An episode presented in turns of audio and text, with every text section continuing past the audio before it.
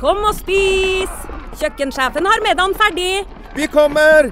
Vi skal bare Åh, det er da så morsomt her på Stiklestad! Ja, men sjøl en god viking må ha både mat og hvile. Og dessuten kan dere nå være noen dager. Velkommen til Scandic Stiklestad. Moderne fasiliteter i historiske omgivelser. Det var her det skjedde. Det er her det skjer.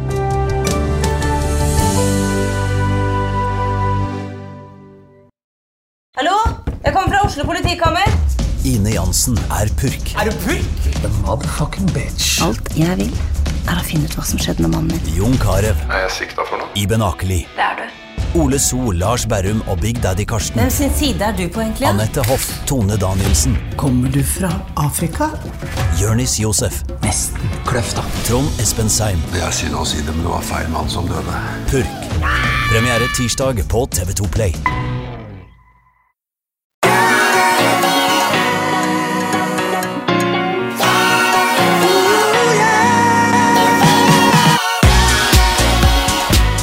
Velkommen til podkasten Hjernesterk. Ja, det Vi snakker jo eh, Vi snakker jo en del Altså, vi snakker jo om helse. Vi snakker om eh, fysisk helse og mental helse og sammenhengen mellom fysisk og mental helse. og ja, opptatt av hva som skjer oppi hjernen, som du kan masse om, Ole Petter, i tillegg til alt det andre, og at eh, mosjon, fysisk trening, det er, det er en medisin vi kan bruke på oss selv i hverdagen til å takle utfordringer, enten de er mer praktisk eh, relatert til, eh, til fysisk helse, eller det er å ta vare på seg selv eh, mentalt, så er fysisk aktivitet en, en fin metode, en fin vane, noe som har god effekt på helhetlig helse. Eh, vi har jo egentlig eh, Vi har jo våre utfordringer, vi også, Ole Petter. Eh, det har vi. Um, det er Du har vært igjennom en krevende periode med samlivsbrudd, som mange andre mennesker i landet. Um, jeg har hatt to syke foreldre. Moren min døde for kort tid siden. Begravelsen var forrige uke. Um, det er eh, det er eh, krevende på toppen av mye annet når man skal holde hodet over vannet i forhold til å ta vare på barna, i forhold til å fungere på jobb. Både du og jeg har jo den type jobber hvor vi på en måte vi er avhengige av å levere, eh, egentlig. Vi er ikke fast ansatt noe sted. Vi jobber for oss selv. Det har sine fordeler og ulemper, men vi prøver å holde stimen oppe. Eh, Vi har jo snakket en del om dette her også selv, også, Ole Petter. Jeg husker når du møtte dine utfordringer, så var du opptatt av at eh, for deg så ble jobben litt eh, terapi. Um, Jeg har alltid sagt til deg at kom deg ut og løp. um, og når det gjelder min egen, for min egen del, så Når det er tøft, og det er tungt, når det er trist, så, så er det faktisk også i den fasen her nå, hvor det på en måte er så direkte, da, sorgrelatert eh, rundt dødsfallet til min mor, eh, så, så, så har det, har det merker jeg at det har effekt å få seg denne treningsøkten. Det får det liksom, det bryter litt den tankerekka, da. Um, det var en sånn liten monolog fra min side, Ole Petter. Hvordan er det med deg, forresten? Jo, nei, du, jeg syns det er fint å snakke om dette. Jeg, vi snakker jo veldig mye om uh, trening som medisin. altså litt sånn implicit, implisitt. Vi kan bruke trening for å forebygge sykdom, og vi kan bruke det til å behandle sykdom. Men uh, de aller fleste av oss er jo stort sett ikke syke. uh, men vi har jo utfordringer i hverdagen allikevel. Så, så jeg er veldig opptatt av å snakke om treningen og bevegelse som et verktøy for å ha det bra i hverdagen. Ikke for, nødvendigvis for å unngå å bli sjuk, men for å rett og slett ha det så bra som mulig. Og Én ting er jo å ha masse, masse teoretisk kunnskap om det. Det vil jeg jo si at både du og jeg har. Eh, Vi jobber med det begge to. Eh, Jeg forsker på det. Og... Men allikevel så er det et eller annet med at når, det, når du trenger det sjøl altså Det er liksom forskjell på liv og lære. Mm. Uh, og jeg har jo hatt perioder nå Uh, egentlig over noen år som har vært veldig, veldig tøffe og utfordrende, hvor, uh, hvor jeg har bare merket at jeg har hatt minimalt eh, lyst til å bevege meg, altså, og, og, i noen perioder faktisk ikke klart å helt å få det til. Har blitt eh, Jeg våkner om morgenen og har tenkt at nå skal jeg bare komme meg gjennom dagen en dag til, og så har jeg ikke orket å gå ut og bevege meg. Um, og så tenker jeg at herregud, jeg vet jo bedre enn de fleste, kanskje, at eh, fy fader, det å gå ut og bevege seg, eh, er det noen gang det virkelig hjelper, så er det jo når det stormer litt og ting er litt vanskelig. Men jeg har rett og slett ikke fått det til. Og uh, vet at sant, her er det et verktøy, men jeg klarer søren ikke å finne det. Og, det. og det har vært en litt sånn både vanskelig, men også litt sånn fin erkjennelse at For jeg har trent nesten hver dag hele livet. Jeg har drevet med det aktivt, har vært, er veldig glad i det. Mm. Og så allikevel så finner ikke jeg motivasjonen for å komme meg ut og bevege meg litt en gang. Eh, det var flere måneder hvor jeg nesten ikke gjorde noe som helst.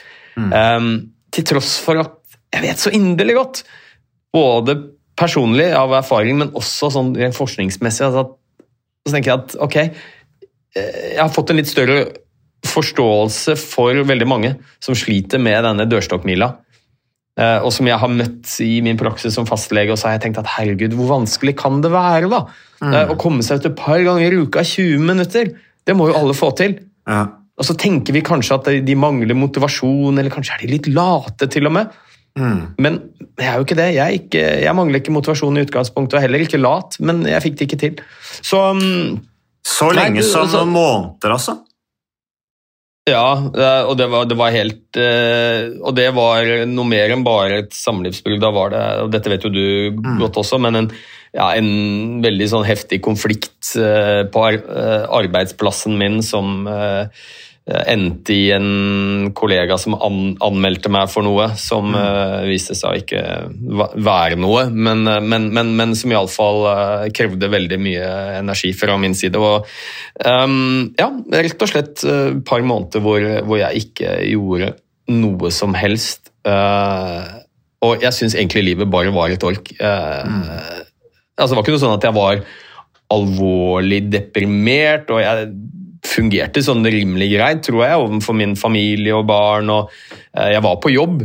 Mm. Eh, jeg var sykmeldt fra jobben som fastlege, for den følte jeg virkelig ikke at jeg klarte å, å gjøre på en ordentlig måte. Men, eh, men, men, jeg reiste rundt og holdt litt foredrag, for det opplevdes som terapi for meg. Og, mm. Men det var en sånn Jeg følte meg jo virkelig som en hykler, for jeg reiste rundt. Jeg kunne stå foran 500 mennesker. Eh, jeg snakket til ansatte i rus og psykiatrien eh, og, fortalte om viktigheten av å være i bevegelse, kanskje spesielt når du sliter litt mentalt. Mm. Eh, hvor viktig det er. Og så klarte jeg ikke å komme meg ut sjøl. Så, så, for meg så ble jeg faktisk litt av løsningen. Um, og, og, og, rett og slett finne, finne, det verktøyet igjen. Da. Jeg klarte å finne det uh, og komme meg ut. Og da snakker vi ikke da snakker vi ikke trening, altså. Jeg, Jeg gjorde avtaler med kompiser. Jeg sa til dem at vet du hva, jeg vet, den rasjonelle delen min av hjernen min vet at det er viktig for meg mm. å bevege meg. Da kommer jeg til å føle meg bedre. Problemene blir ikke borte, men jeg kommer til å føle meg bedre. Jeg får det ikke helt til alene, jeg trenger litt hjelp.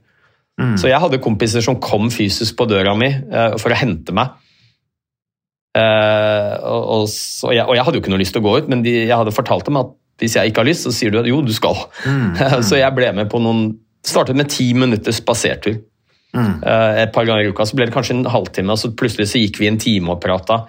Så det var både litt sånn samtaleterapi med gode, gode venner for å få luftet eh, hodet sitt eh, og få beveget seg.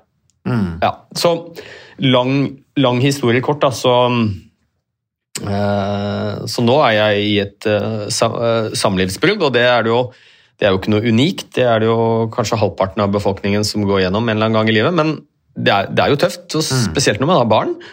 Så opplever man sånn Jeg opplever litt sånn at jeg har sviktet mine barn. at sant, det ene prosjektet som vi skulle få til, eh, å være mamma og pappa og være sammen med mm. barna, det har vi ikke klart å få til. Så det, det, er mye, ja, det er mye som er tøft rundt det, både praktiske ting og følelsesmessige ting. Men poenget da er iallfall at jeg har lært litt av den forrige perioden jeg var gjennom, at uh, fy søren, altså. Er det, jeg må prøve uh, er det noen ganger det er, det er viktig å ta godt vare på seg selv, så er det jo når det stormer litt.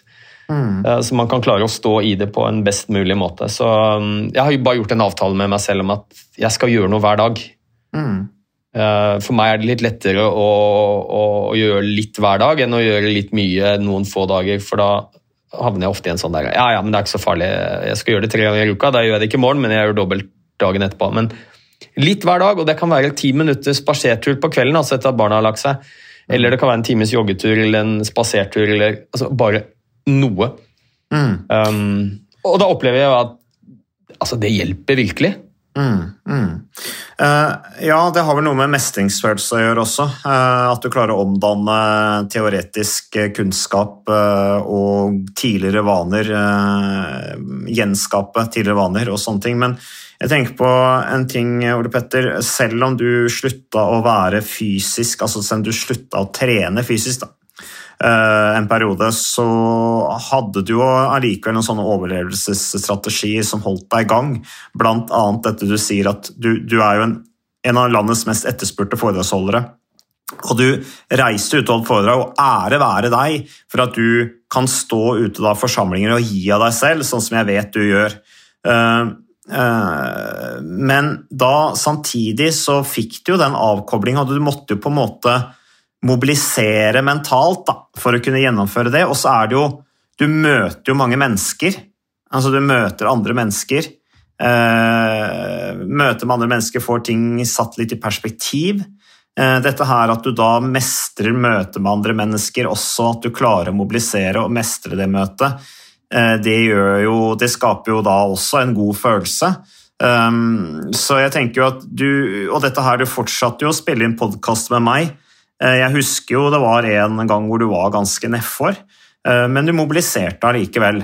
Eh, Og, jeg sa ok, skal vi kutte ut? Vil du ha en pause? Men du sa nei, vi kjører på, dette her er det jeg trenger. Så du hadde jo allikevel noen strategier da, for å holde på en måte hodet over vannet. Ja, jeg hadde noen strategier, og det var ikke sånn at jeg var noe sånn supermenneske som til tross for at ting var vanskelig og, og at jeg gikk ut og jobbet. Det var rett og slett fordi at jeg opplevde at eh, det å gå ut og snakke til folk eh, altså Jeg følte mestring, jeg følte meg bedre. Det var, det var terapi for meg, og det samme var disse podkast-episodene. Og det er et sånn eksempel også på at mange tenker at eh, ok, eh, sykemeldt f.eks. Altså, da kan du ikke gjøre noe annet. Da, da, da skal du være hjemme og, og, og slappe av. Og, men altså, jeg var sykemeldt. Jeg var sykemeldt fra jobben min som fastlege.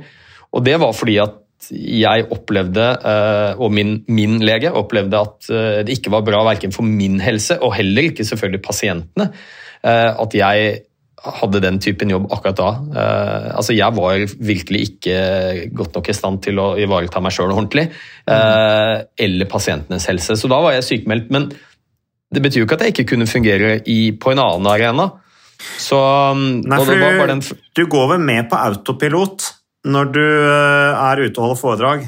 Det, altså der, er det på en måte, der har du en rutine og en vane. Altså du, der er du kanskje litt mer på autopilot enn du vil være i møte med enkeltpersoner som kommer til deg som fastlege. Jeg vet ikke om det kan Nei, ja, og, og så handler det om et ansvar du har. Om Mm. jeg står og holder et foredrag og jeg plutselig knekker sammen fordi jeg, jeg ikke har det noe bra, eh, så greit nok. Det, Ukas annonsør det er eh, HelloFresh. Og eh, hvis du nå går inn på hellofresh.no og bruker koden 'fresh hjerne', så kan du få opptil 1779 kroner rabatt på da de fem første matkassene dine hvis du ikke har prøvd HelloFresh enda. Og Ole Petter, vi er jo glad i HelloFresh i podkasten Hjernesterk, eh, selvfølgelig fordi at de er en annonsør. De er med og bidrar til å spre det glade ordet om fysisk aktivitet og god helse. Men i tillegg så har jo vi også nå lang erfaring med HelloFresh Fresh selv. Så vi må jo si at det har vært gode erfaringer til nå. ja, absolutt. Visste du, Mats, at HelloFresh det er faktisk verdens ledende matkasseleverandør? Og tilbudene til HelloFresh gjør det enkelt å lage gode og varierte retter som skaper matglede. Og matglede vet du, det er like viktig som hva du putter i munnen. Det å spise mat med folk du trives med. Så gjennom 25 nye og inspirerende retter hver uke så bidrar Hello Fresh til dette. Du kan bestille ekstra porsjoner om du får gjester, eller hoppe over uke hvis du f.eks.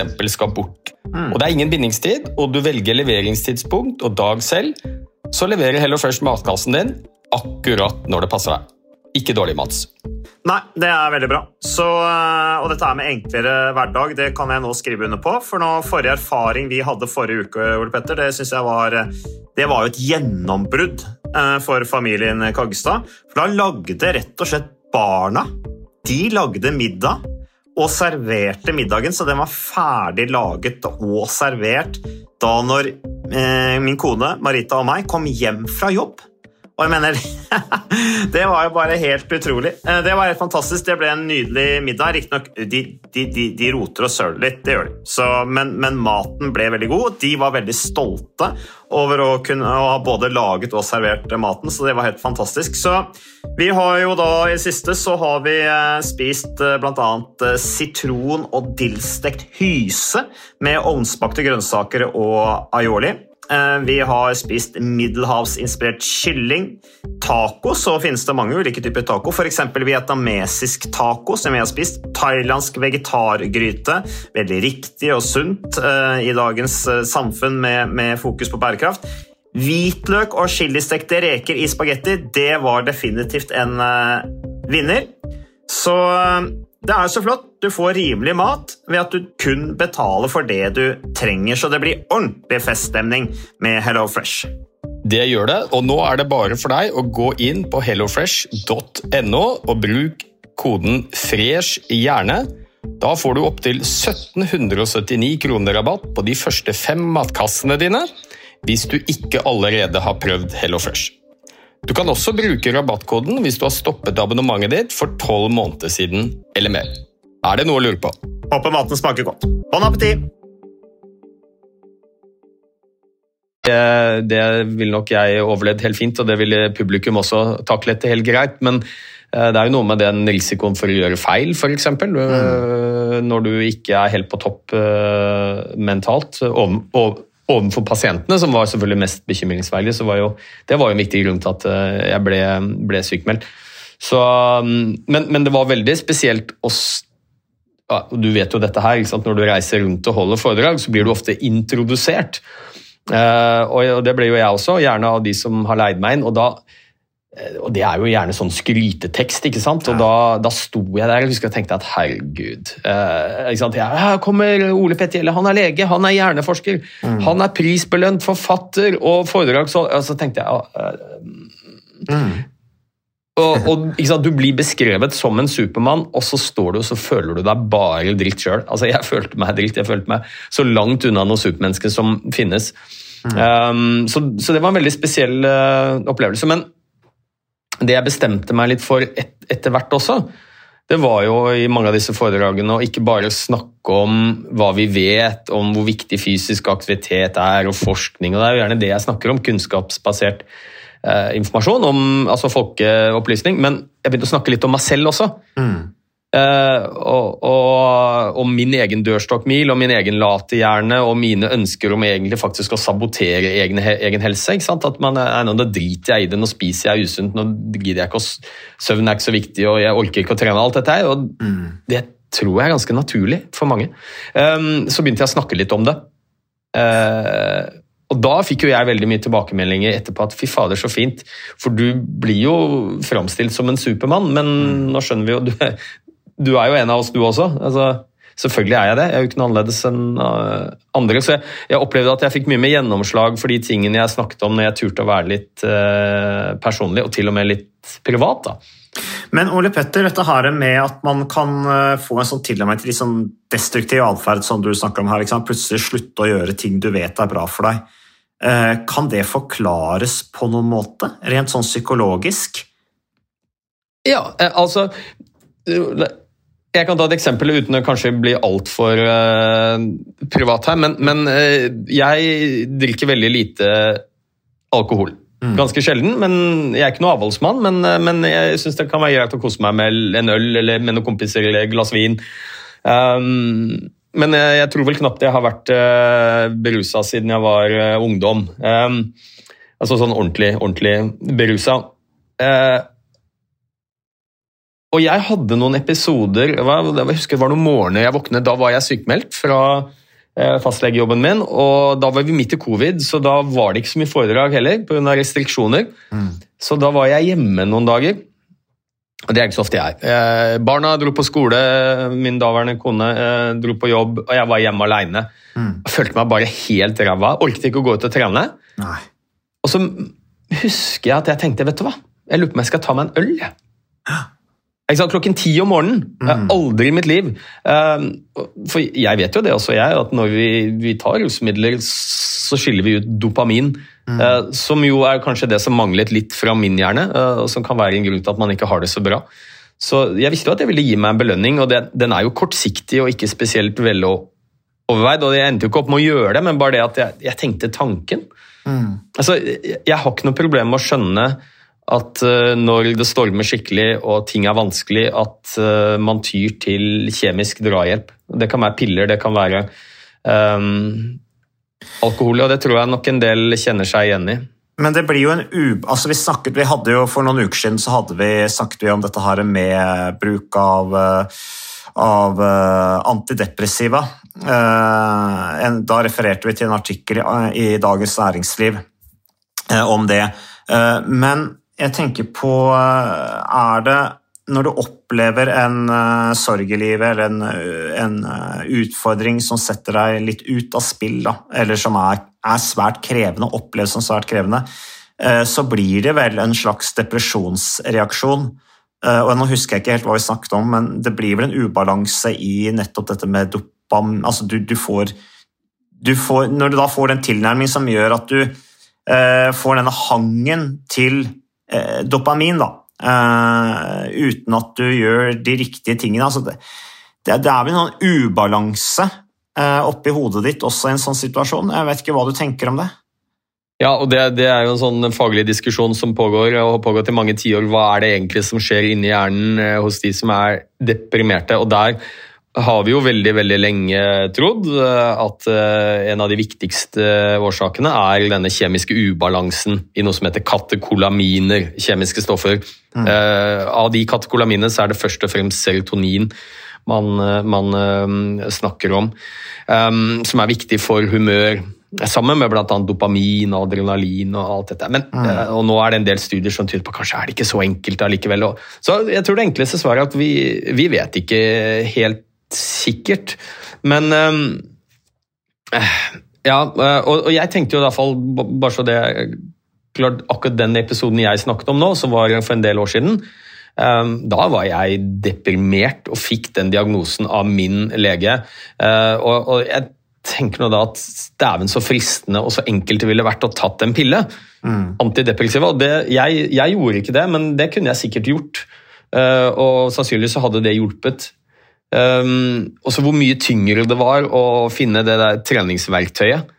Mm. Som jeg til slutt klarte å finne, men jeg brukte lang tid, og det var ganske krevende. Så det er ikke så vanskelig å skjønne heller at det er mer fristende å velge en pilleløsning enn kanskje noe som krever en del mer av deg. Da. Det gjør jo det, å komme seg ut og i uh, ja, for du blir, tappet, du blir jo tappet for energi, uh, så tiltaket blir jo mye større. Uh, og det er jo klart at da, som du sier, er det kanskje du er mer sånn tilnærmelig til, til, raske, til raske løsninger. Da. Sånn som en pille forhåpentligvis kan være, eller alkohol. Da. Ja, ja da, så det, det, er jo liksom det eh, det store paradokset og dilemmaet er jo at eh, i de situasjonene Og man behøver ikke ha en eh, klinisk depresjon, som jeg hadde den gangen, som jeg ikke har nå. Selv om jeg står i litt tøffe ting nå også, så, mm. så, behøver man jo ikke ha en klinisk depresjon for at det å bevege seg skal kunne hjelpe.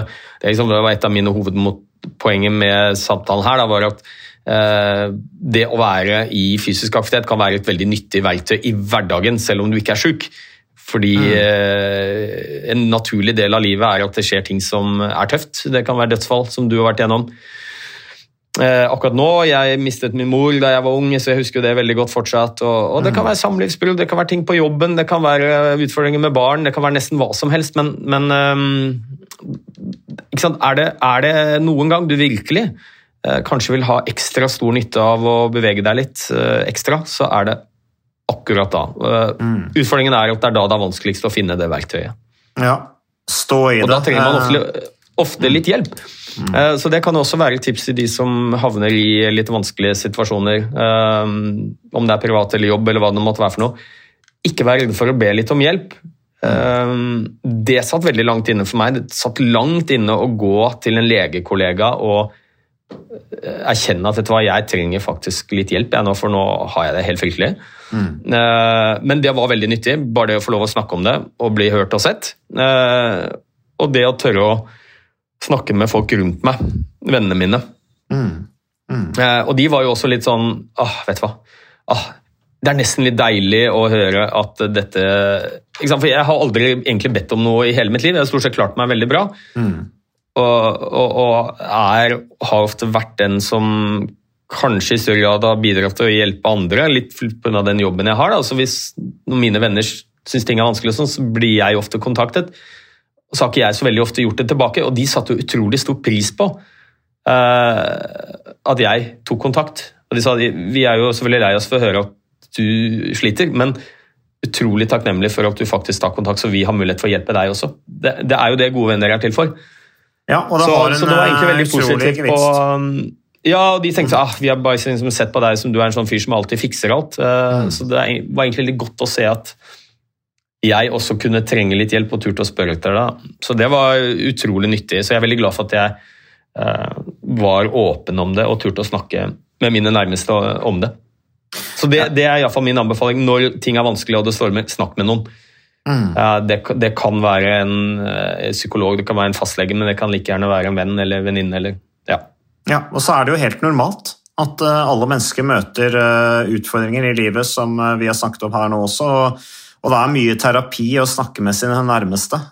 Det er det kan sikkert være vanskelig. Noen vil heller kanskje gå til psykolog, men en, en, veldig god løsning er bare å snakke med sin nærmeste hvis du har muligheten til det. og, og, og, har den evnen da, til å være åpen. Det kan være ganske befriende å være åpen. Eh, det, det, det har god, god, god gevinst å, å, snakke åpent om ting.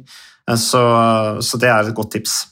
Ja, og det, Vi har jo hatt dette i flere episoder. Lars Erik Lund blant annet. Da mm. snakker jeg ikke om hockeyspilleren, men direktøren i Veidekke. Mm. Hvis dere husker det at Mats trodde det var hockeyspilleren som, uh, som, kom på besøk med samme navn. Nei, og, og det at vi må jobbe for at det å kunne snakke om mentale utfordringer ikke nødvendigvis at man har angst eller depresjon, men at man er nedfor lei seg, ting er vanskelig. Mm. Det må bli, bli, like naturlig som å snakke om den vonde menisken eller strekken i leggen. Ja, det er god folkehelse. Ja, altså Vi snakker om det helt åpent. Det er ingen mm. som er redde for å fortelle på jobben at de har hatt et hjerteinfarkt, at de har fått kreft. Um, to av de vanligste sykdommene som rammer oss. Depresjon er nesten like vanlig. 50 mm. av oss får det. Det tør vi ikke å snakke om. Uh, og, og, det tror jeg er kanskje den største gevinsten vi kan snakke medisiner, vi kan snakke trening, men noe den største gevinsten for de som sliter med dårlig mental helse, det er at det blir mer sosialt akseptabelt å snakke om det. Mm. Det er jeg ganske sikker på. Det er viktigere enn alt mulig annet, så vi må tørre å snakke om det. Ja, Det er veldig det god folkehelse. Det er den viktigste terapien. Eh, at det ikke skal være så mye stigma rundt det. Eh, det at du blir deprimert, som halvparten av oss blir en gang i løpet av livet, det betyr ikke at det er noe galt med deg, at du er svak. Nei. Det er akkurat som å få et hjerteinfarkt. Det kan ramme hvem som helst. Det kan det. Nei, men tusen takk, uh, Ole Petter. Takk for uh, åpenheten. Um, takk for at Jeg vet ikke hvordan vi skal oppsummere dette her, Ole Petter. Det blir liksom vanskelig for meg å ta en oppsummering, men vi kan i hvert fall si at vi er tilbake med mer podkasten Jernsterk neste uke. Mest sannsynlig. Det tror jeg er 100% sikker på at du kommer til å være. Uansett hva som skjer. Eh, og så takker vi for at du lyttet på, på episoden. Eh, vi er eh, tilbake med mer. Takk for oss.